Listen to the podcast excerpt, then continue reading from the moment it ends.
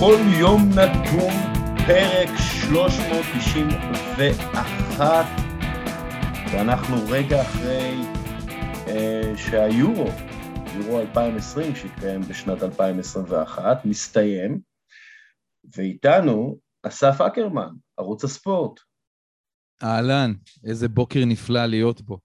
בוקר איטלקי כחול, בזמן שאני רואה את התמונות רצות של הגביע שיורד מהמטוס של אליטליה בשדה התעופה פיומיצ'ינו לכיוון רומא. מדהים. פוטבול is coming Rome, כמו כן. ששרו שחקני uh, איטליה בעצמם. Um, אתה יודע מה, אתה אוהד ברזיל, נבחרת ברזיל בכלל, mm-hmm. אבל כאילו אתה מאוד מזוהה עם הכדורגל האיטלקי, אז זה סוג של חגיגה uh, גדולה עבורך.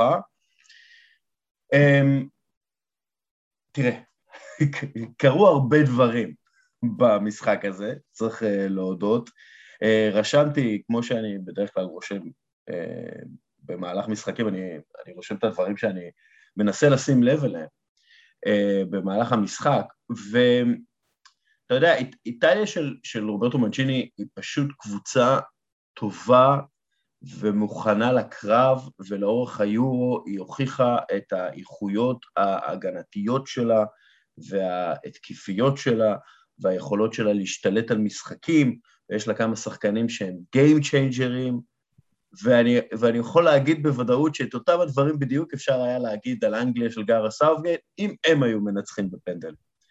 אה, ו- ולא סתם זה היה באמת המשחק, בוא נגיד, הכי... הכי אה, מאוזן שראיתי, כי אני לא יודע, אני רואה את זה ברשתות ואנשים מדברים על זה שאנגליה נכנסה לבונקר אה, אחרי הדקה השנייה שבה הם אה, כובשים את אה, שער היתרון, אבל זה ממש לא היה ככה, כלומר, אנגליה די שלטה במחצית הראשונה, האיטלקים די שלטו במחצית השנייה, ההערכה הייתה די אנגלית, ובסוף, אתה יודע, פנדלים. אבל זה היה משחק טוב מאוד וגמר אה, נפלא. אני חושב שבעיקר אנחנו לוקח את זה לגמר מותח דרמטי ומשוגע שכל שנייה יכול לקרות משהו. אה, וגם כשאת לא באמת קרו דברים על המגרש, ואתה רואה את הארי קיין נמצא בשליש הראשון של הקבוצה שלו, זאת אומרת שאולי בגלל הדברים האלה אנשים חשבו שזה יותר בונקר, אבל זה כן היה איזושהי חניית אוטובוס דו-קומותיים בריטי אדום כזה, כמו שאנחנו מכירים, אבל עם יציאה קדימה במהירות מסחררת, כי לאנגליה יש כלים לא נורמליים מקדימה באמת.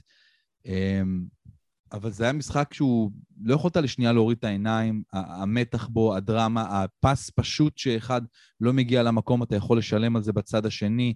כל הגבהה לתוך הרחבה אה, יכולה להגיע לאיזשהו ראש אנגלי, או פתאום איזו נגיעה איטלקית ברחבה, כמו שראינו באמת בשער של בונוצ'י. אמ, אבל אתה יודע, דיברת בהתחלה על, על... ובמשפט הראשון שלך בעצם סיכמת את הכל. איטליה היא קבוצה, היא קודם כל קבוצה. היא, בוא נסתכל באמת על הסגל שלה, אין לה כוכבי על אמיתיים, אין לה סופרסטארים לא נורמליים, אולי מרקו וראטי וקיאזה שמתהווה ודונרומה שמתהווה להיות אחד כזה, אבל הם עדיין לא כאלה. לעומת אנגליה שיש להם כוכבי על אמיתיים, אם זה הארי קיין, אם זה פיל פורדן, אם זה מייסון מאונט שנמצא שם, כוכבי על בתוך המדינה שלהם. אבל מנצ'יני הצליח לבנות תלכיד ש...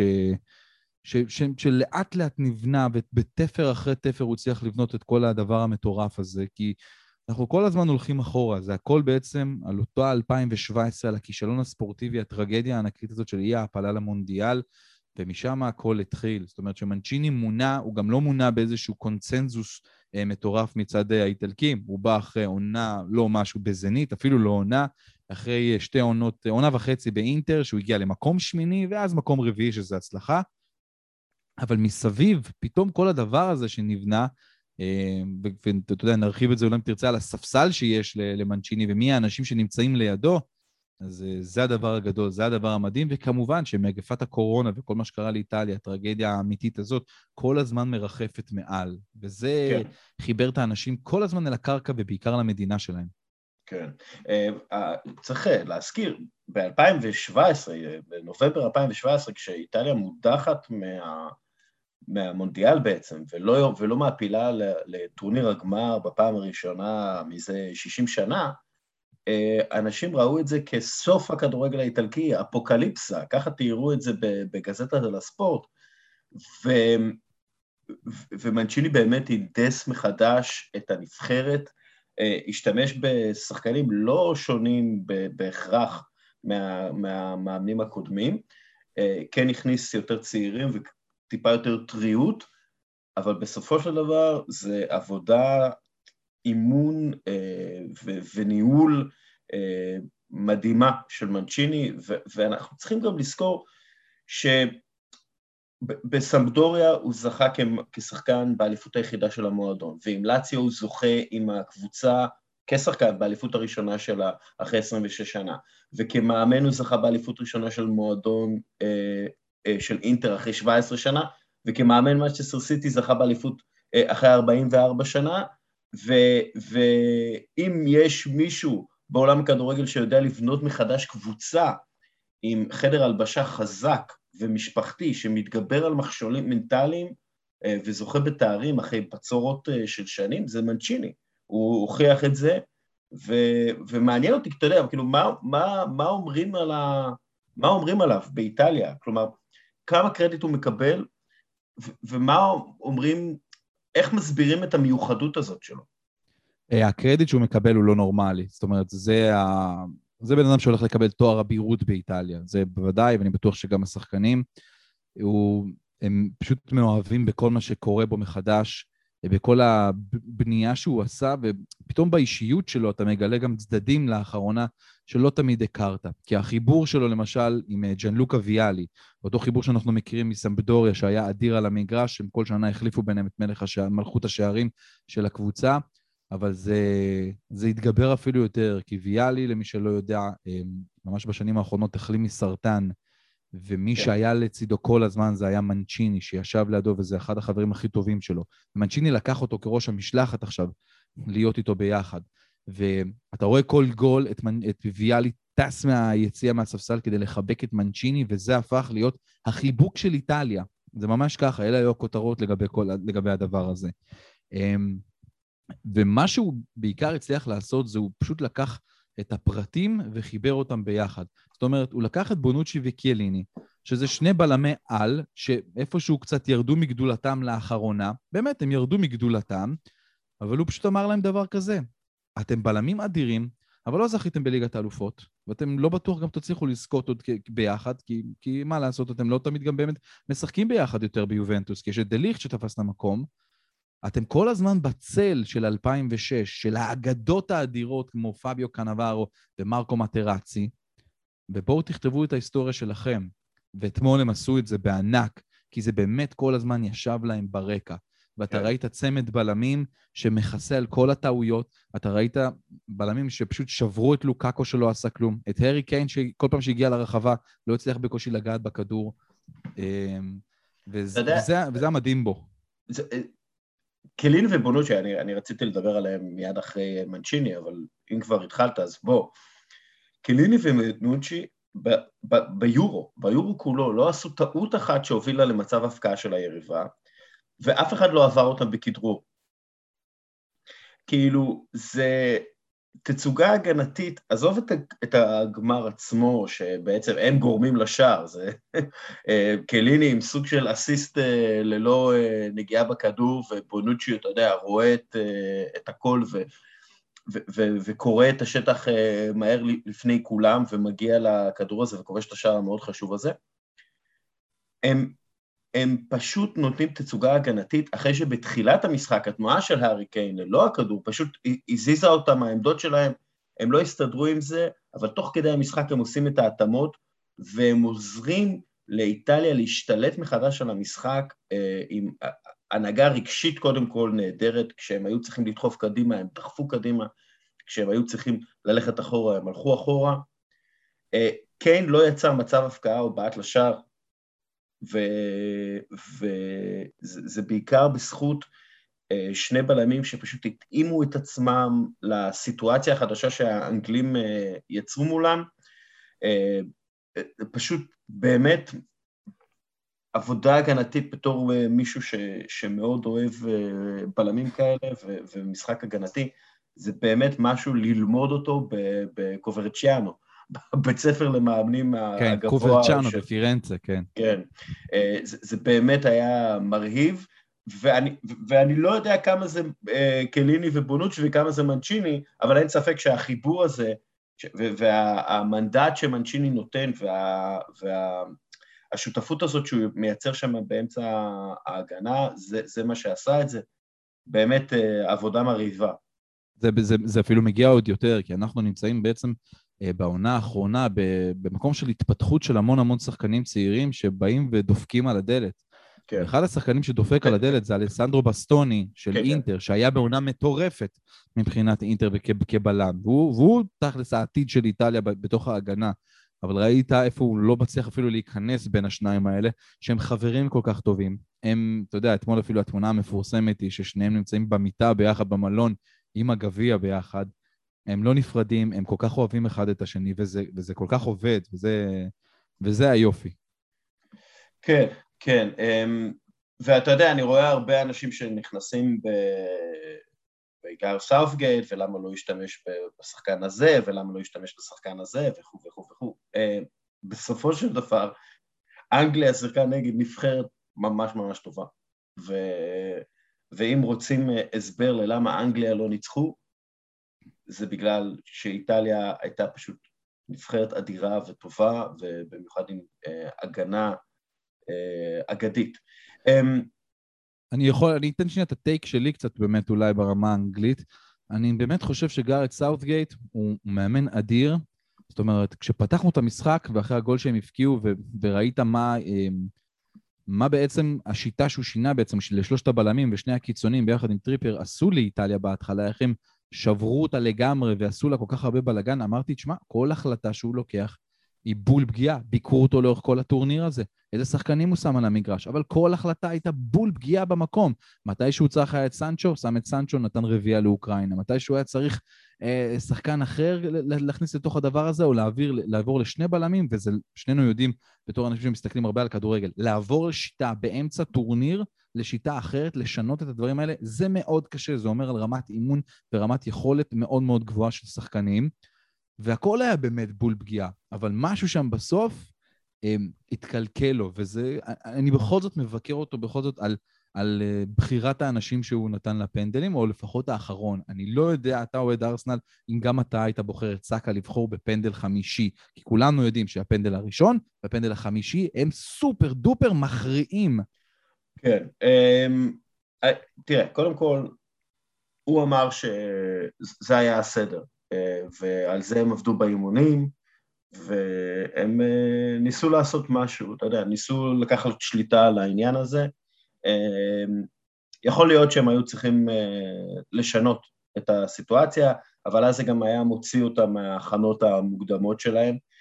סאקה הוא שחקן פנטסטי, ו- ואני בטוח, דרך אגב, שמהאסון הזה, האישי הזה, הוא, הוא בזכות התמיכה שיש לו באנגליה ובארסנל, הוא יהפוך לשחקן טוב יותר, אבל אה, כן, תראה, בשורה התחתונה, אה, הוא, הוא החמיץ את הפנדל המכריע, אה, הטעויות, החילופים של אה, סאות'גייט התבררו כטעות.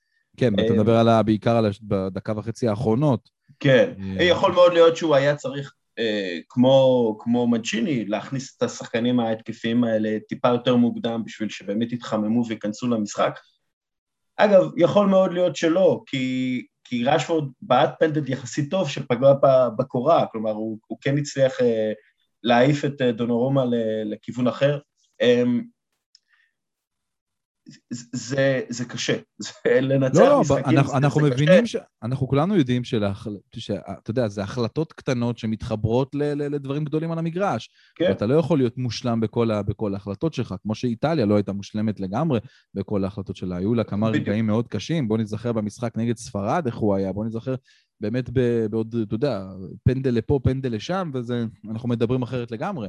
כן, ו- ואני חושב ששוב, אני גם, אתה יודע, זה ממש לא מרגיש כמו השיא של הנבחרת האנגלית הזאת. לא. הכל מרגיש מאוד התחלתי, אנגליה היא הנבחרת השנייה הכי צעירה ביורו, יש לה כמה שחקנים צעירים אה, ונפלאים שהם עדיין אין להם 23, ויש להם עכשיו ניסיון ביורו, ולחלקם גם ניסיון בגמר, בחצי גמר מונדיאל, ובאמת למונדיאל 2022 כבר מגיעים אה, הרבה יותר בשלים, אה, אולי קצת בדומה לצרפת אחרי ההפסד ביורו 2016, אה, שזה היה הפסד מאוד, אה, אתה יודע, קשה, ודידיה דשאן אה, הואשם בזה שהם שיחקו כדורגל שמרני מאוד וכל הדברים האלה, אבל הם, אתה יודע, הם בנו שם משהו, וזה חלק מבנייה, זה לא חלק מחורבן. כמו שהרבה פעמים הפסדים של נבחרת אנגליה מרגישים כמו חורבן. אז אני חושב שהתקרה של הנבחרת האנגלית הזאת היא הרבה יותר גבוהה, ואני כן מאמין, ואני די בטוח, שאיטליה הגיעו לתקרה שלהם. כלומר, אני, אני מתקשה לראות איך הנבחרת הנוכחית הזאת הופכת לטובה יותר במונדיאל הקרוב, אה, גם בגלל שבונוצ'י וקליני כבר אה, יפרשו ככל הנראה מהנבחרת בקרוב. אתה יודע, היו, היו דיבורים על זה שהם מנסים כן. לשכנע אחד את השני עוד אולי בכל זאת להמשיך. אבל זה 아, אה, נכון כן? מה שאתה אומר, אבל, אבל אני לא יודע, אבל אתה יודע, גם ליורו הזה איטליה לא הגיעה כנבחרת הפייבוריטית. בסוכניות ההימורים בתחילת היורו הייתה במקום השישי בסך נכון. הכל, והיא גם נכון. עצמה ידעה שאם היא תגיע לחצי הגמר היא עשתה את שלה. הכל פשוט התחבר קדימה לתוך uh, מנעד כדורגל מצוין בשלב הבתים, אבל אחר כך זה גם הלך הרבה יותר קשה, ראינו את זה, עם הערכות וגם פעמיים עם הפנדלים. Uh, איטליה למונדיאל, אני אגב, לא חושב ש... אגב, אתה אתה יודע כמה נבחרות ניצחו בשני קרבות פנדלים ביורו במונדיאל. אחת, איטליה, אתמול עשתה את זה. לא, לא, זה... ביורו או במונדיאל. אני חושב שרק אתמול זה קרה שפעמיים ניצחו, לא? לא, ארגנטינה 1990, mm-hmm. קרואטיה 2018 אה, אוקיי, נכון. ואיטליה. נכון. זה כאילו רק ש... זה מדהים. ו- ודונרומה אה, אחראי לחלק גדול מה... בוא נגיד, הוא אחראי לניצחונות, אה, הוא, הוא חמש מחמש אה, בקרבות אה, פנדלים במועדון וב, ובנבחרת, ואני רוצה לשאול אותך, בגלל שאני יודע שיש לך מערכת יחסים מאוד בעייתית עם אה, דונה רומא. איי איי איי. אה, מה אתה, תן לי את התחושות שלך ואת הרגשות שלך בקשר לשחקן הזה שאתמול הפך לאגדה. תראה, אמ, ג'יאן לואיג'י דונרומה, אני רואה כל משחק שלו כבר שש שנים, מגיל 16. כן. מאז שסיניסה מיכאילוביץ' נתן לו את חולצת ההרכב של מילאן, ומשם הוא לא יצא לשנייה אחת. אמ, ג'אנלואיג'י דונרומה היה אמור להיות הבנדיירה של מילאן. הבנדיירה זה בעצם, אה, זה דגל במינוח מילולי, אבל הכוונה היא לסמל של מילאן. והקיץ האחרון, ובכלל תקופה האחרונה, הוכיחה שהוא לא, לא בנוי למקום הזה. אה, גם, אתה יודע, אפשר לקרוא לזה רודף בצע של כסף, סוכן בעייתי ש, ש, שנמצא מאחוריו, אבל אתמול, ובכלל בטורניר הזה, דונרומה שם את המקום שלו בין הגדולים ביותר של שוערי איטליה, דינו זוף, בופון, דונרומה נמצא שם בענק. אמ, אתה יודע, הוא יורש העצר האמיתי של, של ג'יאן לואיג'י בופון, הוא הוכיח את זה אתמול בצורה מטורפת. אני, אני לא ידעתי איך הוא מצליח לקחת את הפנדלים האלה. הוא, הוא כל כך קר רוח גם, אתה רואה את, את, את ההגעה שלו לקו, הכל היה מה שנקרא עם איזה חצי חיוך כזה. והוא באמת רוצח שקט בתוך השער. ההצלה שלו נגד בלגיה, לדעתי לבעיטה של קווין דה בריין, הייתה אחת מההצלות לטורניר. אתמול היו לו כמה כדורים גדולים גם. הוא באמת באמת אה, שוער אדיר, שאם הוא לא ייפצע והוא ימשיך בדרך הזו, אז פריס סן ג'רמן הרוויחה שוער להמון המון שנים, ואולי את אחד השוערים הכי הכי טובים אה, בעולם. אבל כן. הסיטואציה מסביב, אתה יודע, ברמה האישית אני מאוד מאוד מרגיש נבגד עם זה שהוא הולך, כי אני מאוד התחברתי אליו ברמה האישית בתור אוהד מילאן. אה, אבל אז, אז מצד אחד אתה שונא אותו ואתה אומר, אבל מצד שני הוא, השוער הראשון של נבחרת איטליה, ואתמול אתה רצית שהוא יצליח. ואתמול לצד הצעקות יש, גם היה כמה קללות לשוער הזה, כן. ופתאום להגיד לו, פצו די מרדה, חתיכת חרא על כל מה שאתה גורם לרולר קוסטר של רגשות על הדבר הזה. אבל, אה, אבל כן, זה, זה מטורף, זה באמת מדהים לבחור כן. הזה, בן 22 בסך הכל כבר אלוף אירופה. אגב, קללות, אגב, אגב, קללות, אה, במהלך המשחק, אה, זמבמה איטלקייה כזאת עם חולצה של אה, איטליה, מסתכלת על, מסתכלת על המסך וצועקת קאצו. כן. התאהבתי ברגע. תראה, דונרומה, הבעיה היחידה שלי שהוא מצטרף לפריס סן ג'רמן, ובעיניי זה, זה בעייתי, ששחקן שחקן צעיר עובר בעצם לליגה שהולכת ונחלשת, בגלל שאנחנו יודעים מה המצב הכלכלי של הקבוצות בצרפת, אנחנו יודעים שפריס סן ז'רמן תהיה בפער עצום מכל, אם אתה מחבר את כל התקציבים, אם אתה תחבר את כל התקציבים של הליגה הצרפתית ביחד, אתה לא תגיע לתקציב של פריס סן ז'רמן, וזה פשוט... אה, עוד, עוד שנתיים, אתה יודע, עוד שנתיים הוא יעשה קולות שהוא רוצה כבר uh, לעזוב אחרי uh, שתיים, שלוש כישלונות בליגת האלופות, כי באמת הליגה הצרפתית זה לא מקום למצוינות ברמה הזאת, עם כל הכבוד. אחרי, ל... אחרי העזיבה שלו של מילאן, אז יש בלוג מאוד מפורסם של אוהד מילאן שכתב מכתב כאילו בשם פאולו מלדיני לג'אן לואיג'י דונרומה, והוא אמר, והוא כאילו כותב, שמלדיני אומר לו, אחרי העזיבה, אתה, אתה תיקח מלא תארים בפריס סן ג'רמן, אתה לא תוכל לספור אותם אפילו, את כמות הגביעים והמדליות שלך, אתה תרוויח כל כך הרבה כסף, שלא תוכל לבזבז אותו אפילו, אבל אתה לעולם לא תהיה אגדה. וזה ה... זה הבאסה עם ג'אנו דונרומה, למרות שאתמול הוא לגמרי הופך להיות אה, אגדה בנבחרת איטליה. במדים של איטליה זה לגמרי שם. כן. אה, עוד שחקן שאתמול, לפי דעתי, אה, הפך לאגדה, זה קיאזה. פדריקו קיאזה היה השחקן הכי טוב על המגרש עד שנפצע בדקה 85, באמת, הוא כדרר, לחם, מסר, בעט, ניצח במאבקים על הכדור בלי סוף, נגע יותר מכל אחד אחר בכדור ברחבת היריב, מסר יותר מכל אחד אחר ברחבת היריב, הכניס יותר כדורים ברחבת האנגלים אה, מכל אחד אחר, הוא פשוט היה השחקן הכי טוב בגמר היורו עד הפציעה שלו, אה, מסירה שלו הובילה לקרן שהובילה לשוויון של האיטלקים, אה, והפציעה שלו סוג של קטעה את המומנטום האיטלקי.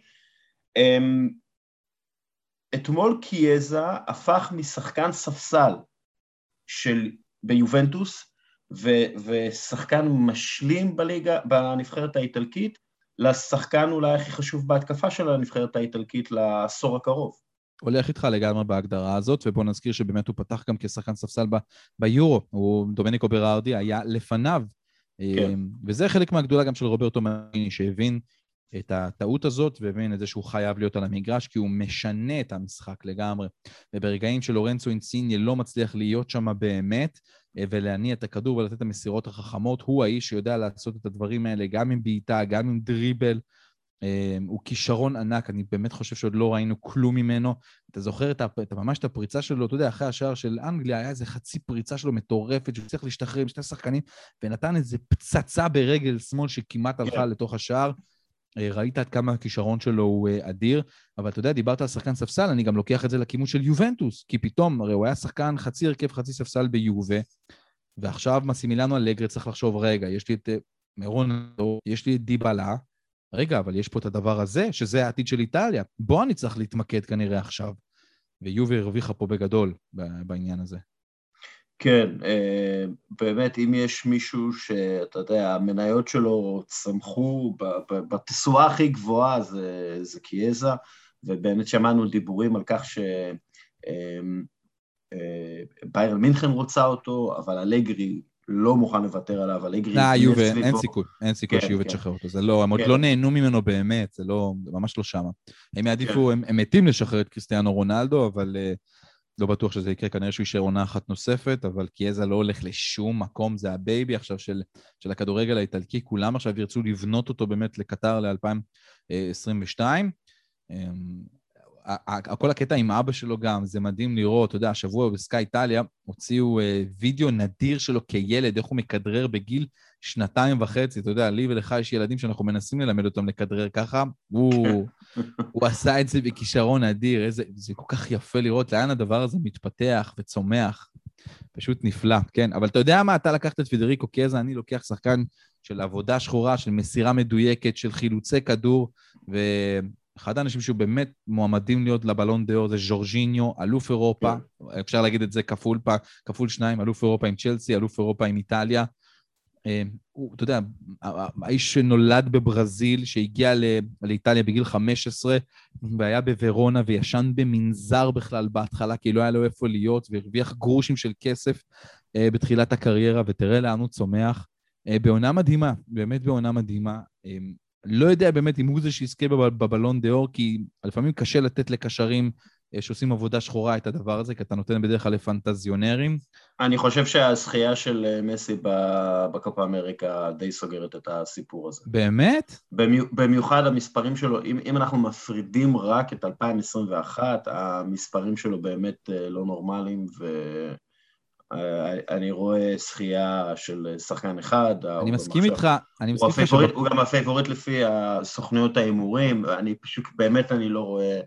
אפשרות אה, של, של מישהו אחר. אתה יודע מה, אם ז'ורג'יניו היה כובש את השער, הפנדל המכריע פעם נוספת, אולי זה, אתה יודע, היה משנה קצת את הנרטיב, אבל באמת, אחרי הזכייה של מסי בתואר שחמק ממנו כל כך הרבה זמן, אה, אני לא רואה אפשרות אחרת. אבל אתה יודע, זה, זה כבר, אנחנו יכולים לדבר על הקופה עוד מעט, אבל אה, אני לא רואה את זה, לא הולך למסי.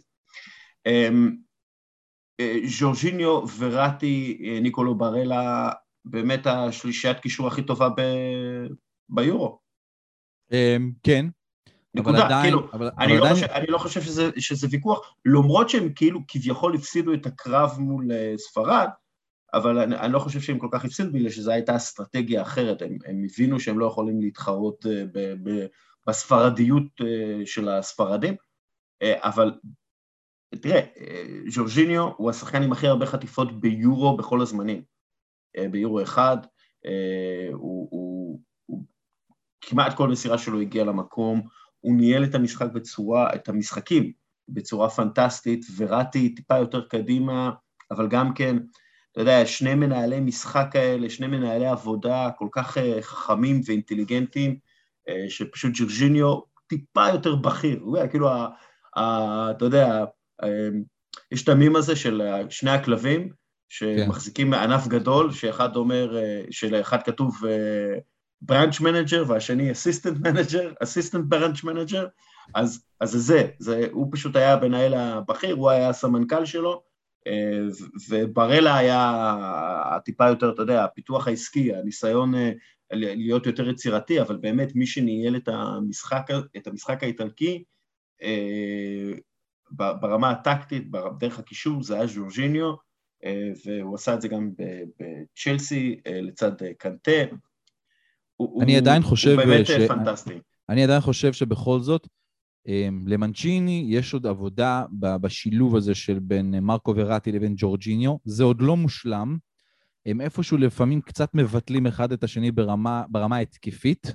משהו כן. שם עדיין קצת חורק וצריך עוד לעבוד עליו, אבל הם בהחלט פוטנציאל מאוד מאוד גדול. אמ, וברלה, אתה יודע, זה בן אדם שהיה קצת בצל של, של שני השחקנים הללו ביורו הזה, אבל הוא לגמרי איש שצריך להתפתח למקומות הרבה יותר uh, טובים. ואתה יודע, אנחנו עוד יש, עוד יש מאחור, זאת אומרת, אנחנו זוכרים רק מה קרה כשמטאו פסינה מאטלנטה נכנס לשחק עד כמה הוא שינה, וגם את קיאזה לצידו. Um, יש, יש כישרונות, יש עם מה לעבוד, אבל גם 2018 כנראה שאיטליה לא תגיע להיות בין הפייבוריטיות לזכייה. 2022. 2022, סליחה, כן, בוודאי. כן, כן, שזה אגב אוטוטו, זה, זה, שנה זה וחצי, אפילו פחות. כן, כן, זה, זה מונדיאל חורף, זה לא מונדיאל קיץ, זה הולך להיות uh, ממש אה, אוטוטו. Um, אתה יודע, אותי מעניין, מי מבין השחקנים הצעירים, מי, מי הולך להיכנס לנבחרת האיטלקית הזאת? Um, בין השחקנים הצעירים, אז תראה, אם באמת מנואל לוקטלי אמור להיות uh, אחד מהשחקנים שאוהב לעבור ליובנטוס, אז יכול להיות שזה שם שייכנס שוב. מטאו פסינה, אני די בטוח שהולך להיות, לקבל את המקום שלו. דיברנו גם מקודם על בסטוני yeah. כן. ברמה הגנתית. Uh, אלה השחקנים. אתה יודע, בריין... יהיה קריסט... מחליף, יהיה מחליף לאימובילה, ש... אתה יודע... Um... זה בעיה. אין באמת חלוץ שפיץ לאיטליה שהוא מה שנקרא בומבר של שערים. זה, זה, זה קצת, זה בעיה. יכול להיות שהם יצטרכו לחשב מסלול מחודש בעניין הזה, אבל אין הרבה באמת בתוך הליגה האיטלקית שאתה אומר, אה, איזה לוק קטוני כזה שאתה יכול לשים אותו בחוד ולתת לו כדורים. עם מובילה הוא בן, בן 30 וזה... אה, כן, אהבת את הדוגמה, לא? אני, אתה יודע, לוקה טוני מבחינתי, זה מה ש... זה, אם, אם אני עובר פודקאסט בלי להגיד לוקה טוני, זה כאילו לא עשיתי פודקאסט בכלל. אמ, אני מאוד אוהב אותו, אבל אתה יודע, אני, אני מסתכל כאילו על הנבחרת הצעירה, כי כי באיטליה התחיל איזשהו אה, תהליך באמת הרבה שנים כבר של, של נבחרת, נבחרות צעירות שמצליחות ומעלים שחקנים לנבחרת הבוגרת. אתה יודע, אני מסתכל, באמת, בכל נבחרת צעירה אחרת יש יותר כישלונות. וזה כן. באמת תלוי איך הם, אתה יודע, איך הם ייכנסו לתוך הסריה A ולנבחרות הגדול, ולקבוצות הגדולות. בואו נראה, תראה, יש עכשיו אחד, יש כמה שחקנים שבעצם צריך לשים עליהם יותר לב אה, לקראת המונדיאל ולקראת העונה הזאת ותחילת הבאה. אחד מהם זה ג'אן לוקה רספדורי של ססוולו, בן 21, כן. שישה שערים נתן העונה הזאת, הוא באמת כישרון שיכול להתפתח להיות חלוץ טוב. והשני זה ג'אן לוקה סקמקה, שעכשיו, כן, עובר, אגב, שעובר לססוולו מגנוע, כן. הוא נתן שמונה שערים ב-26 משחקים, 13 פעמים בהרכב. אה, ג'נוקה סקמקה, מעבר להיותו אה, עם, עם רגל טובה, גם, אתה יודע, התפתח בהולנד, קיבל לא מעט uh, בתוך מחלקת הנוער של PSV, הגיע גם עם, הגיע גם עם איטליה לגמר של האנדר 19, לגמר אליפות אירופה ב-2018. הוא בן 22, אבל הוא מטר 95 סנטימטרים. הוא מה שנקרא החלוץ הדור החדש, הפיזי, הגדול, שיודע אה, מן הסתם לנגוח כמו שצריך. אם הוא יתפתח עוד קצת קדימה ובאמת ידעו לעשות איתו את העבודה הטובה, ואתה, מי כמוך יודע שבססוולו יודעים לעשות את הדברים האלה, אז הוא יכול להיות מה שנקרא החלוץ הבא של נבחרת איטליה.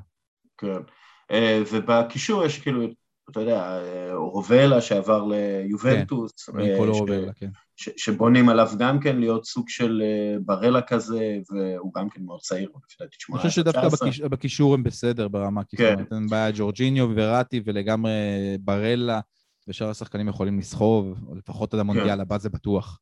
כן. אמ, חייבים להתייחס גם לנבחרת אנגליה, אתה יודע,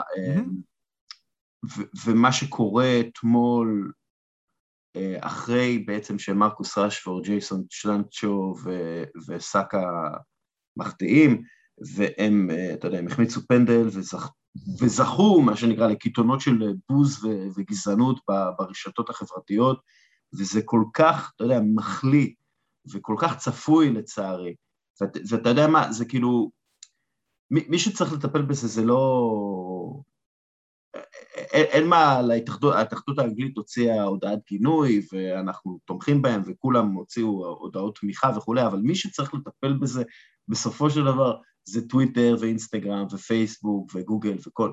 האנשים שמקללים אותם ברשתות, צריך לזרוק אותם מהרשתות, והבא שרוצה להירשם לרשתות צריך לשים פרטים מזהים, כדי שאם הוא יתנהג ככה, שיגיעו אליו עם שוטרים הביתה, כי זה באמת לא חוקי במציאות. אנחנו צריכים להבדיל, אגב, אבל בין קללות לבין קללות גזעניות. יש הבדל בין כן, הדברים האלה. כן, ברור, אני מדבר רק על הגזענות ורק על, ה, על הגועל נפש הזה, אה, ובאמת, זה קורה ברשתות כל כך הרבה, וזה כל כך צפוי, וזה בלי שום סנקציה, ובכלל, האופן ש, שבו חלק מהאוהדים אה, של הנבחרת האנגלית התנהגו, הפריצה לתוך וומבלי, היה מהומות שם, היה אלימות, אה, ומאוד יכול להיות שאנגליה די אה, נפגעה, די פגעה בעצם ביכולת שלה ובקמפיין שלה לארח את מונדיאל 2030, אבל אתה יודע, מצד אחד יש את, ה, את, את, את מרקוס רשפורד, ש, שגייס 200 מיליון לירות סטרלינג לילדים רעבים בבריטניה השנה, כן. וסנצ'ו שבונה מגרשים בשכונות ה, אה, שהוא שיחק בהם בתור ילד, ובוקאיה סאקה, שבן 19, אה, תרם אה, כספית לקהילה המקומית שלו, ואתה יודע, הם, הם כאילו ברגע שהם מחטיאים את הפנדל, הם כלום מלבד, מבחינת הגזענים המטונפים האלה, הם, הם רק שחורים שהחמיצו את הפנדל ו, זייפו ואכזבו את המדינה, וזה באמת, אתה יודע, יש מצד אחד, הנבחרת האנגלית הזאת היא באמת נבחרת אנגלית מגוונת, שבנויה מכל אנגליה, מכל, מכל מקום באנגליה ומכל המוצאים האתניים אה, והעושר והגיוון האתני הגדול שיש באנגליה, מצד אחד. דרך אגב, אה, נבחרת שמאמנים זרים מאוד עזרו לפתח, אתה יודע, לא היה קלווין פיליפס בנבחרת בלי מרסלו ביאלסה, ורכים סטרלינג לא היה אחד מהמצטיינים של הטורניר הזה, בלי פפ גורדיולה, ו, ובכלל הנבחרת עצמה לא הייתה מתפתחת בלי ההשפעה הזרה העצומה שיש בפרמייר ליג והכסף הגדול שמגיע מחוץ לאנגליה לתוך האקדמיות אה, הבריטיות והשחקנים הזרים שמגיעים לאקדמיות הבריטיות, הם, כל השחקנים האלה לא היו מתפתחים בלי כל זה, וזה, וזה יפה, זה כאילו, באמת, אתה יודע, אה, זה נראה כמו משהו אולטימטיבי אה, ואוטופי מצד אחד, ואז מצד שני יש את הצדדים הכל כך מכוערים והקסנופובים והיהירים והמתנשאים והגזענים של, של, ה, של הבריטים, שאתה פשוט, אתה אומר, הניגודיות הזאת זה פשוט, זה פשוט דוחה בצורה בלתי רגילה. אה, סיכמת את זה נראה לי יפה, אין לי הרבה מה להוסיף. אתה יודע, אני... כן. ברמת גזענות והכול, אתה יודע, כמי שחצי מייצג את הצד השני, גם איטליה היא לא בדיוק אה, הצלחה כבירה בדבר הזה. אה, ובשילוב שלה, של שחורים, נקרא לזה ככה, אתה זוכר את התבטאויות הבננה עד לא מזמן, אפילו ברמה כן. התקשורתית של פרשנים. כן. אז כן, זה נמצא. ועדיין, שניים משחקני ההרכב של איטליה הם בכלל ברזילאים. ש, נכון. שנכנסו ואומצו על ידי האיטלקים. ואני מזכיר לך שהם לבנים. אמרסון לבן? לא, נכון. אפשר להגדיר אותו לבן? אני לא יודע. הולך איתך, הולך איתך, אתה צודק. כן.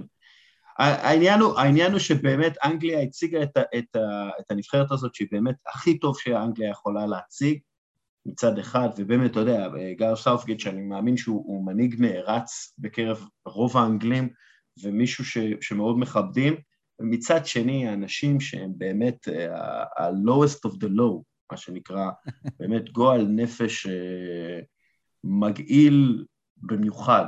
אה, ודרך אגב, אה, אתה יודע, זה, זה לא רק גזענות, זה גם אנטישמיות, וזה גם הכאת נשים, שוביניזם. אתה נותן להם יותר מדי כן. זמן בתוך הפודקאסט הזה. אתה צודק, אתה צודק. אתה אני פשוט נגעלתי מאוד. אני מבין ברמה שזה כואב לך. אישית, כי אתה חי את הרשתות מאוד מאוד חזק, אתה קורא את הדברים האלה, אבל uh, אתה נותן להם יותר מדי זמן ביטוי פה בתוך הפודקאסט הזה. אה, גינינו ונתקדם. כן, יאללה, גינינו, נתקדם הלאה, אתה צודק, אסף. אוקיי, בוא נסכם אה, את היורו מבחינתך. מה מבחינתך היה הרגע הגדול של היורו הזה? וואו. אמ, הרגע הגדול של היורו הזה, לדעתי, אני חושב שמשחק הפתיחה של איטליה נגד טורקיה, ש... שראית קהל באצטדיונים, שראית את אירופה מלאה בקהל באצטדיונים, שראית, אתה יודע, אני שדר ספורט, זה התפקיד שלי, אני איש של מילים, אני מחפש ללמוד מאנשים גדולים. ו... ופביו קרסה, אתה יודע, אני העליתי על זה גם פוסט בפייסבוק שלי, על הדברים שהוא אמר, בפתיחה של השידור פייבו קרסה, שדר אדיר באיטליה, איש ששידר גם מונדיאל 2006, והוא באמת מצליח לרגש בטקסטים שלו איך, איך מדינה, אומה שסגרה את עצמה בטרגדיה של אצטדיונים נעולים ובלי קהל, אה, כן. וחיו רק על ההצלחה של העבר, ופתאום היום, הוא אומר, היום האצטדיונים נפתחים, היום אנחנו יוצאים למקום של לחלום, להגשים ולנצח. אני חושב שזה באמת היה רגע ענק, של באמת להבין שהטורניר הזה מתקיים, ועם אוהדים ביציעים, ואתה ראית מה היה בהונגריה שהיה אה, מטורף שם באיצטדיון מלא. אז זה, זה, הרגע הזה שאיטליה כבשה את השער הראשון, והייתה השתוללות אדירה, וראית באמת שכמה פוטנציאל פתאום יש לנבחרת הזאת שאף אחד לא ספר אותה. כן. אה, דרך אגב, אה, אתה יודע, זה יהיה מעניין לראות את יתרון הביתיות עכשיו, כי אני חושב שהשחקנים, התרגלו לשחק בלי קהל, ופתאום כשיהיה קהל, אה, כל הדברים שנאבדו, שאחד מהם זה יתרון ביתיות, אתה יודע, הקבוצות, אה, מספרית, היתרון הביתיות נעלם. אה, זה לא רק, אתה יודע, עשו, עשו, מחקרים, עשו מחקרים על זה, באוניברסיטת לידס למשל, בדקו וגילו שבאמת אתה יודע, הם, הם אה, בדקו יותר מ-9,000, אה, אה, לא, סליחה, לא 9,000, הם, הם בדקו הרבה מאוד מהמשחקים שהיו ללא קהל, והם ראו ש... ש... שהיתרון ביתיות נעלם, פשוט נעלם. כן, אתה זוכר למשל, אתה יודע, ביורו הזה... כאילו, יתרון הביטיות לפני הקורונה היה 0.40, 0.4 יותר נקודות לקבוצת בית בממוצע, וזה, הצטמצם ב-50 אחוז.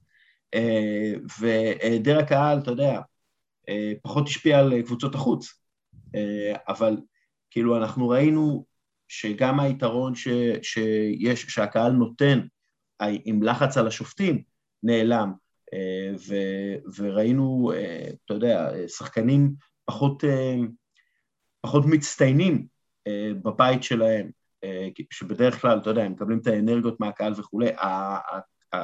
הקורונה לימדה אותנו הרבה על העזרה מהקהל במשחקי בית, ואני חושב שעכשיו, כשזה חוזר, הקבוצות החכמות ידעו איך לנצל את זה מחדש, ו, ו, וזה משהו משמעותי, זה משהו מאוד משמעותי, והעונה הבאה תהיה בסימן, בסימן מה עושים, איך, איך, איך אה, מגייסים את יתרון הביתיות חזרה אלינו, אה, חזרה לקבוצה הביתית, כי באמת אה, גם ביורו הזה ראינו, הקבוצות הביתיות פשוט הוציאו הרבה יותר מעצמן מאשר הקבוצות חוץ, אפשר לדבר על זה גם בהמשך. אמ, דרך אגב, אני חושב שהרגע, ואני, הרגע שלי, אמ, זה באמת קליני עם אלבה, אלבה, שהוא, זה, זה פשוט היה זה, זה פשוט היה נראה כאילו שקלני יודע מה הוא צריך לעשות כדי לנצח את המשחק הזה, ואחד מהדברים שהוא צריך לעשות זה פשוט לא לחשוב שהוא במעמד שהוא נמצא בו, ו- ואתה ראית איך אה, אלבה קמל תחת הלחץ, ואיך אה, קליני אה, פורח תחת הלחץ, וזה לפי דעתי עשה הרבה מההבדל בדו-קרב פנדלים הזה. כן, כן, לגמרי. זה, זה היה באמת משהו גדול. אמ, דיברת טיפה חצי על עיתון הביתיות, אז אני, אני חושב שאיפשהו גם עכשיו העניין של כל היועצים המנטליים יצטרכו להיכנס בחזרה כשהקהל יחזור, כי זה כן משפיע. יש, יש שחקנים, בעיקר הצעירים, שעלו, אתה יודע, וקיבלו את הדקות הראשונות שלהם עכשיו בבוגרים בשנתיים האחרונות, שהם מעולם לא חוו באמת קהל, אה, אם זה סנסירו 80 אלף, אם זה במינכן, באצטדיונים הגדולים האלה, שאתה לא יכול לשמוע את המאמן שלך. אפילו, אתה יודע, קח את אה, גריזמן, גריזמן במשחק נגד הונגריה, שאמר, הייתי אאוט, היינו אאוט, למרות השער שהוא כבש, כן. בגלל האצטדיון המלא, זה היה פתאום חוויה אחרת לגמרי. אז אני חושב שפה, ברמה המנטלית, השחקנים שיהיו יותר חזקים, יכולים להסתגל לזה הרבה יותר מהר. כן, יש גם, אתה יודע, את מה שנקרא אה, אפקט הקהל. ואפקט הקהל אה, זה בעצם, אמ, זה, זה משהו שמשפיע על כל אורגניזמים, שברגע שהוא רואה קהל, אם הוא טוב במה שהוא עושה, הוא יהיה יותר טוב מול קהל במה שהוא עושה. אם הוא פחות טוב במה שהוא עושה, אז הוא יהיה גרוע יותר ממה שהוא מול קהל. אה, זה קשור מאוד לביטחון עצמי, זה קשור להרבה דברים אה, ש, שאתה יודע, הם קשורים אלינו פסיכולוגית וההתמודדות שלנו עם, אה, עם, עם אנשים שרואים אותנו. העבודה הזאת, להיות כדורגלן, היא מאוד קשה, כי אין הרבה עבודות שעושים אותה מול קהל שאו רוצה בהצלחתך ומפעיל את הלחץ החיובי הזה, ולא בטוח שאתה תעמוד בו, או רוצה ברעתך ומקלל אותך ושונא אותך וכולי, אבל במילים אחרות, אתה יודע, אה, האפקט הקהל הזה, אם מישהו טוב מספיק במשהו ולכן קל לו לעשות את זה יחסית, הקהל הוא לא תירוץ, ההפך, אה, הוא, הוא רק מעלה אותו ומשדרג אותו. אם מישהו לא טוב מספיק, הקהל הוא, הוא סיבה לקשיים שהוא חווה, ולכן אני גם חושב שבעתיד אנחנו נראה, אה, כלומר, בעתיד עם הקהל, אנחנו נראה קצת את החזרה לתוצאות הנורמליות של, ו, ו, להפסדים של הקבוצות הפחות טובות מול הקבוצות הטובות, בטח, ב, בטח ב, ב, במשחקי חוץ, משהו שלא בהכרח קרה. אז יכול להיות שהשינוי של, שינוי של וופא לגבי שערי החוץ, הוא דווקא יכול להיות לנו טוב, נזכיר שם. בעצם החוק הזה, זהו, עובר מאיתנו. כן, אני, אני חושב שאתה יודע, זה, זה משהו שהיה... מה שצריך לשנות בעיניי זה, זה עניין הערכות. ההערכה היא, היא קצת בלתי נסבלת, כשחושבים על זה. נכון, אולי הייתי מקצר, לרבע, מקצר ברבע שעה. אני, אני לא יודע אם צריך לקצר. אני חושב שבאמת, כמו בקופה אמריקה, צריך, אה, אתה יודע... ישר, ישר פנדלים. ישר פנדלים. אין, אין אה, מה לשחק עוד 30 דקות. בטח כשהשחקנים, אתה יודע, כל כך שחוקים ו- ותשושים אחרי עונה כל כך ארוכה. כן. זה באמת, אתה יודע, זה, זה פשוט מיותר ברוב המקרים. האם היה אה, הערכה שבה קבוצה ניצחה, אנגליה, דנמרק, כן. ואוקראינה את אה, שוודיה, נכון? וגם איטליה, הערכות... גם איטליה ניצחה את אוסטריה. אה, נכון, נכון, איטליה גם ניצחה את אה, אוסטריה, אבל רוב ההערכות פשוט אה, לא קרה בהם כלום, ו... והם הלכו ישר ל... הלכו לפנדלים. אה, אני חושב ש... אתה יודע, בריאותית צריך אה, לוותר על הערכה, בטח עכשיו כשאין אה, משחקי חוץ אז יהיו יותר הערכות. אז אני חושב שבאמת צריך, אתה יודע, ללכת ולגשת לפנדלים אה, ישר ולגמור את זה, כי דרך אגב, עסקית, אתה יודע, זה פשוט אנשים נרדמים מול המסך. נכון, נכון. זה, זה. כולנו אמרנו, האוהדים ניטרלים וכל מה שהם אמרו אתמול, זה תן לנו גול, בחייאת, תגמור עם זה, למה אנחנו לא כן. נעמוד בהערכה. כן. טוב, עוד משהו שאנחנו רוצים, שער הטורניר מבחינתך? או, שאלה טובה. אמ, אתה יודע מה, כאילו... אני, אלך, אני אלך על השער, כאילו, שייקח את זה מהאסיסט, בגלל האסיסט של אה, מיילה.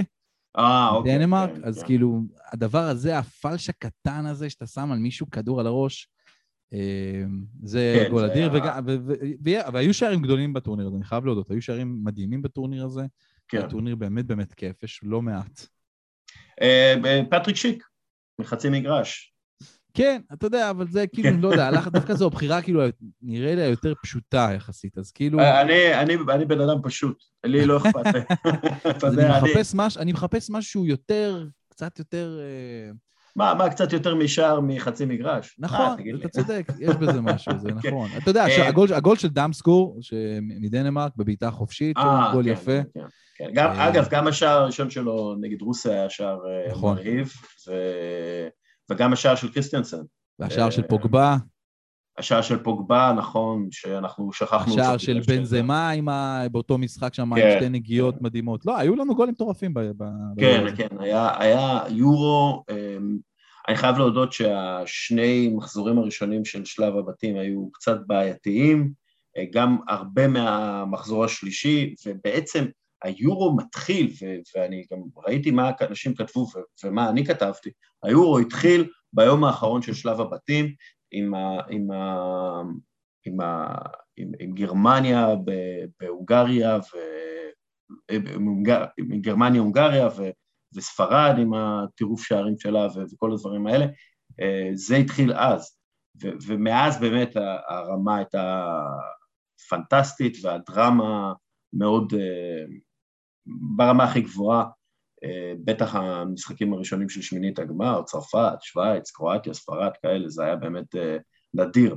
אה, שחקן הטורניר? ג'אן לואיג' דונרומה. או, זה קשה לך. קצת קשה, אבל... שמע, זה באמת היה עליו, אז אני לא... אי אפשר לא לתת לו את זה, באמת. זה, זה מגיע לו לגמרי. אני חושב...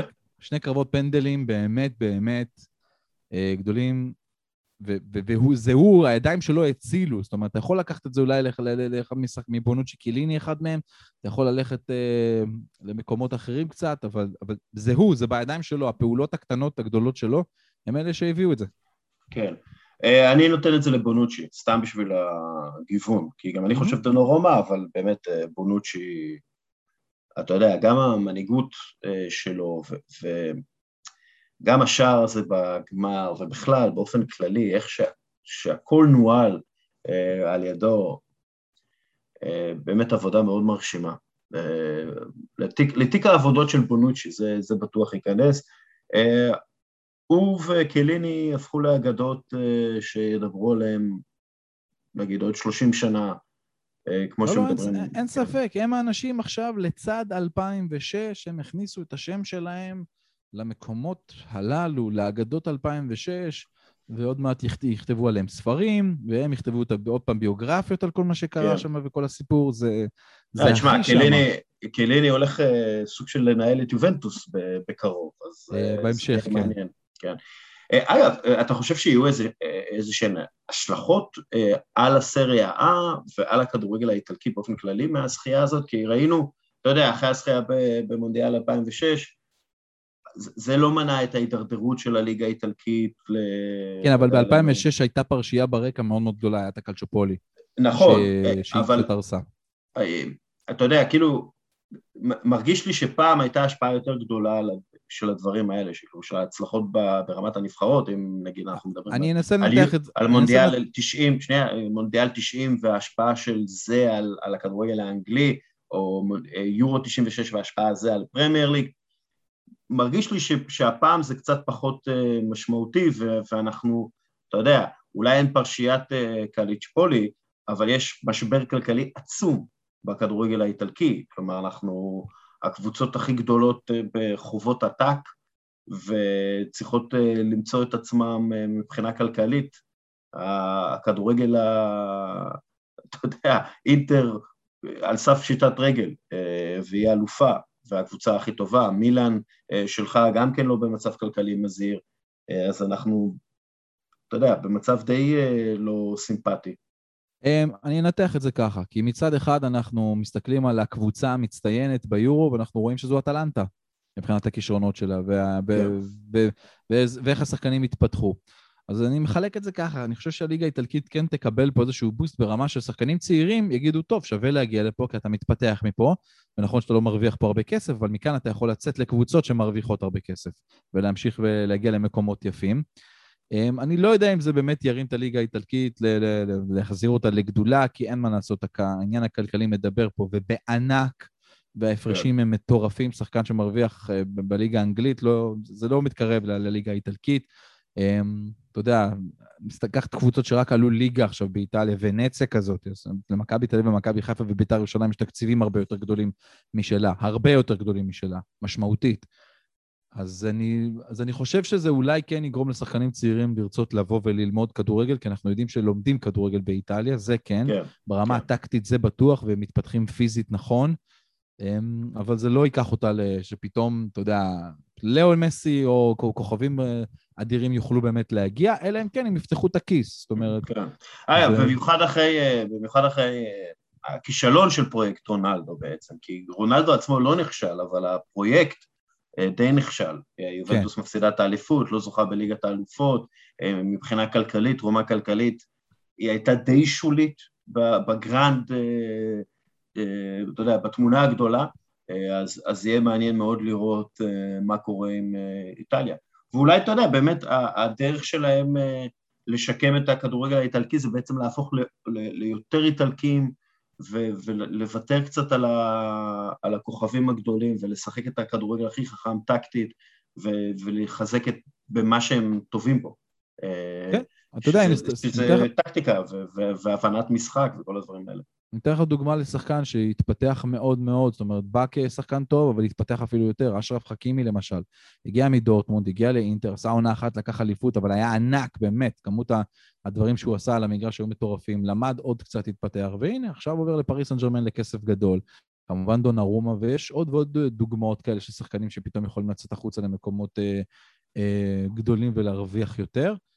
אני באמת מקווה ש, ש, שהשחקנים יגיעו קצת יותר ושהקבוצות האיטלקיות יבינו שהניהול קודם כל צריך להשתנות, כי אנחנו יודעים, כן. זה מתחיל באיצטדיון. ברגע שיש לך איצטדיון שלך, הדברים נראים הרבה יותר טוב גם ברמה הכלכלית. כן, יותר ססוולו ואטלנטה ופחות אה, אה, קבוצות גדולות יותר אפילו, אם זה פירונטינה או אה, לאציו, שפשוט, אה, אתה יודע. הן שוקעות בבינוניות, אבל מה שכן לפחות, יש קרב כל שנה טוב מאוד על המקומות בליגת האלופות, זה כן. כן, כן, וזה הרבה בזכות באמת הקבוצות החכמות יותר, כמו אטלנטה. כן. אמ, יהיה מעניין גם לראות, אתה יודע, מורידיו הגיע, זה טוב, בסדר, אנחנו, אנחנו נדבר עוד על זה, אני בטוח. אה, וכמה מילים על הקופה אמריקה? איי, כאב לי, בתור אוהד ברזיל, כאב, כאב, כאב, אבל uh, אין שחקן, אתה יודע, אני לא מאוהדיו הגדולים של ליאונל מסי, אין מה לעשות. אבל אין שחקן שיותר מגיע לו במקום הזה. זה היה טורניר מושלם שלו. אין גול שהוא לא מעורב בו כמעט. זה, זה באמת היה טורניר שאתה אומר, הוא בא בגיל 33, 4, ופשוט אתה רואה כמה הוא רוצה את זה, כמה הוא משתגע על, על, על הדבר הזה. היו לו שם כמה נגיעות זהב בכדור, כמה מסירות אדירות, שערים נפלאים, אה, וזה, אתה יודע, זה מגיע לו, זהו, הקוף ירד מהגב, אפשר עכשיו לשקוע, הטרולים באינטרנט, הטרולים באינטרנט לא ישכחו לו את זה שקופה אמריקה שוחה חמש פעמים בעשור האחרון. אז ו... תראה, כן. יש, יש כאן כמובן את כל הקריאות האלה של להגיד שזה גביע הטוטו, אבל אתה יודע, אני בקלות בתור אוהד ברזיל יכולתי להגיד את זה, אבל בתור מי שכל כך אוהב את הנבחרת הברזילאית הסלסאו, ומסתכל על הקופה אמריקה ורואה את זה פעם אחר פעם, אז אני אגיד לך, לא, זה תואר מאוד חשוב, זה אליפות דרום אמריקה, תקרא לזה איך שאתה רוצה, זו האליפות, זה מה שיש. יש את כן. זה במונדיאל. אז התואר הזה הוא חשוב מאוד, נכון שהוא משוחק בכמויות היסטריות, אני מקווה עכשיו שזה קצת יתחיל להתאפס באמת, כל ארבע שנים באמת, ואז אפילו החשיבות שלו תעלה יותר.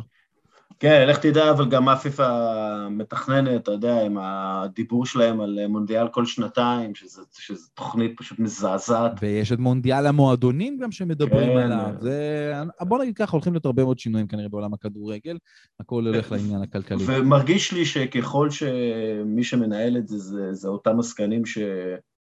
שמנהלים את זה כיום, ההחלטות לא יהיו uh, טובות, ולא יהיו בעד הכדורגל ובעד הכדורגלנים, ויפגעו בכדורגלנים, ואנחנו צריכים... Uh, כי, כי אתה יודע, גם צריך uh, לזכור, ואמרתי את זה כבר בעבר, צריך לזכור, אנחנו ראינו המון פציעות בעונה הזאת, אנחנו רואים עלייה של 30 אחוז בפציעות ביורו הזה ביחס ליורו הקודם, אה, ואם לא יורידו את מספר המשחקים בעונה, אנחנו נמשיך לראות את השחקנים הכי טובים אה, פשוט לא שם, ברגעים הכי גדולים. אה, ספניצולה הוא דמות כזאת. אריקסן, ש, ש, שלא לא עשו את הקישור הזה בין העומס שלו, ל, ל, בעומס ש, ש, שיש על הכדורגלנים, לבעיות לב שיש לכדורגלנים, וצריך לעשות את הקישור הזה, ויש מחקרים שמראים שיכולים אה, לייצר את הקישור הזה. צריך, צריך אה, לתת את זה על הדעת ו- ולעשות את החשבון נפש, ואני פשוט בטוח שהעסקני וופא ופיפ"א לא יעשו את זה, לצערי. אה, משהו על קופה אמריקה מבחינתי, שוב, היה לי מאוד קשה לעקוב אחרי המשחקים, כי אתה יודע, יורו, אה, גמר NBA וכולי, אבל במה שכן ראיתי, הכדורגל שם היה הרבה יותר אה, MMA מכדורגל בהרבה מהפעמים, והיה בזה איזשהו, אבל עדיין היה בזה איזה משהו גריטי, משהו כזה, אתה יודע, כמו לראות סרט ישן, אה, כן. אה, אתה יודע, בלי, בלי צנזורה. היה, ולנצח טורניר כזה, זה מראה לא רק על איכות טכנית, זה מראה גם הרבה מאוד על קשיחות, ובאמת, אני לא חושב שמסי היה צריך אה, את, את הטורניר הזה כדי להוכיח שהוא הגדול בכל הזמנים, אבל הטורניר הזה הוא עוד הוכחה לכך שהוא הגדול בכל הזמנים. לא מגיב על זה, הלאה. אתה מבחינתך קיאזה הגדול בכל הזמנים, לא? לא, מבחינתי רונלדו פנומן הוא הגדול בכל הזמנים, אין מה לעשות, לא תיקחו לי את זה. בסדר, אבל תקשיב, אין, אין, אה, אין מה להשוות בכלל ברמת היציבות. אני, אני פשוט לוקח, אני, לא, אני לא, מת... כאילו, זאת אומרת, אם אתה לוקח מקצועית ועל המגרש וגולים ומספרים, נו, אז ברור, זה קל. אה, זה תמיד יהיה הפייט בין רונלדו, קריסטיאנו רונלדו לבין מסי. אבל אני מתחבר, אצלי, אצלי זה רגש, אצלי לוקח רגש. זאת אומרת, השחקן שאני הכי אוהב בעולם, אהבתי לפחות עד לא מזמן, זה, זה קקה, זה, זה האיש שנתן לי ריגושים, שלקח אותי למקומות של uh, טירוף חושים, של עושר בלתי, של, שלא כן. נגמר כן. לכמה עונות קדימה. רונלדו פנומנו כמובן ברמת נבחרת ומה שהוא עשה, וזה גם בדיוק התפתחות שלי כאוהד כדורגל, הוא בדיוק היה שם במקומות הללו, במקומות שהתחלתי להבין קצת יותר במשחק הזה, וראיתי מה הוא עושה. אז אני רגש, אתה יודע, תגיד לי שחקן שהייתי רוצה היום לקחת איתי לכת רגל, אני לוקח את אה, ג'נרו גטוזו, שישבור למישהו את הרגל כדי שאני אוכל להרוויח את הכדור. אני לא, לא רק מקצועי כל הזמן לדבר על הדברים הללו, אני, אני, אני בא מהמקומות הללו של, של רגשות, של אנרגיה, של חיבור לשחקן, של מוצא שלו, של, של מה הוא עושה לי ברמה האישית, לאן הוא לוקח אותי. אז אה, זה מהמקום הזה, אני, אתה יודע, מי, מי, מי אני שצריך להגיד שמסי הוא הכי גדול בעולם? כאילו באמת, זה, זה לא יעזור לאף אחד הרי באמת. אמ, אוקיי, אני פשוט חושב ש... אתה יודע, כשאני... אני, מנסה להסתכל על זה, לא בצורה אובייקטיבית, בצורה הוגנת. נכון, נכון. אין, אובייקטיביות, אתה יודע, אבל כשאני מסתכל, אתה יודע, בצורה הוגנת על ההיסטוריה של הכדורגל, ואני רואה את עצמי בתור אה, מישהו ש, ש, ש, שאכפת לו מאוד מההיסטוריה ומהמחקר, ואתה יודע, ומהכדורגל, מה, גם בזווית של המספרים ושל הניהול ושל כל הדברים האלה, באמת, בסופו של דבר, כשאני מסתכל על הכל ואני, ואני מוציא את ההנאה האדירה שמסי נותן לי ולעוד מיליונים רבים אחרים, פשוט כשאתה מוריד את הכל, את הכל, את כל הרגש, בסופו של דבר יש מישהו אחד שם שהוא מעל כולם, מספרית, ווינרית, אה, תארים, כל הדברים האלה, וברמה הטכנית של ההשפעה על המשחק, אני איתך, אני איתך בדברים האלה, אני פשוט אומר, אני לא מנתק רגש. לא יכול. אני רואה משחק כדורגל, יש לי רגש. אני מתחבר למישהו, למשהו, לאיכשהו. לא אראה את המשחק יותר מדי אם אין לי בו רגש, אלא אם כן כמובן זה עניין עבודה. אבל אני רואה משחק, אני ככה. אז מבחינתי, דניס פרקה פה, הגדול בכל הזמנים. קיבלת, אחלה, נהדר. וואלה, יכול להתחבר לזה. אני מבין, מבין אותך לגמרי. זה, זה, זה האיש שלך נתן אושר עילאי כן, כדורגל. אין, בכלל, אתה יודע, זה בכלל לא זה. Um, טוב, אקרמן, עוד איזה משהו שאתה רוצה להתייחס אליו ולא התייחסנו אליו בפוד, הסוג של פוד חירום הזה אחרי היורו? Um, אני רק רוצה להגיד שבאמת היה כיף, היה חודש מדהים. תודה לכל מי שהצליח לסבול אותי ואת השעות המשוגעות האלה ש... שלא הייתי, מי שדרש בי, אה, רמז כמובן למשפחה שלי הנפלאה והיפה. אה, אז אתה יודע, היו ימים שהייתי צריך אה, לא להיות איתם ולהיות ב- ב- בתוך המשחק. אבל זהו, עכשיו אני יוצא לחופש קטן, עוד מעט אולימפיאדה אצלנו בערוץ הספורט, וזה הולך להיות טרפת אחת אדירה. ננוח קצת ובכוחות מחודשים, קדימה.